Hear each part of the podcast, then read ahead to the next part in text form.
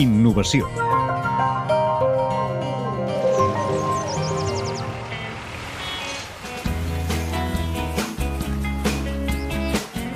Un dels molts afectats per la crisi de la construcció és l'empresa Policlin, de sanitaris portàtils. Perquè la gent es faci una idea, teníem un parc de 7.500 cabines ocupades al sector de la construcció i actualment és de 2.000. O sigui, aquí ja es veu clarament la davallada d'ocupació i, per tant, de facturació. No?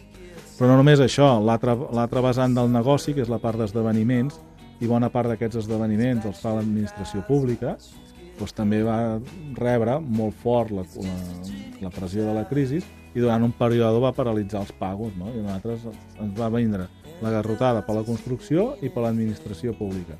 Marc Miquel és el director general i copropietari de Policlin, una empresa pionera i líder a Espanya en disseny, producció, lloguer i venda de sanitaris i equips mòbils d'higiene personal.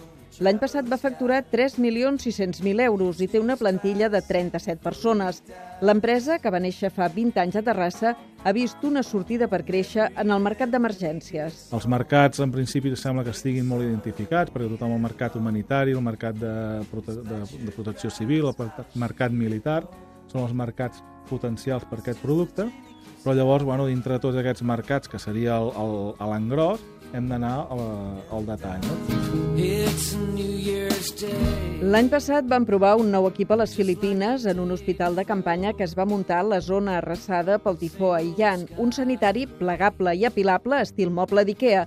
Ocupa el mínim espai possible i està patentat. L'equip d'emergència, el, el principal, és el vàter, que és un espai d'un metro 10 per metro 10 per 2,35 d'alçada quan està desplegat, i quan està plegat, amb aquesta alçada n'hi portem 3, que és la principal virtut, no? I sobretot no transportar aire, que és el que transportaríem amb un sanitari normal. En aquest cas, l'alçada mínima ens la dona el, el que és l'alçada de la tassa i això ens permet poder apilar tres sanitaris.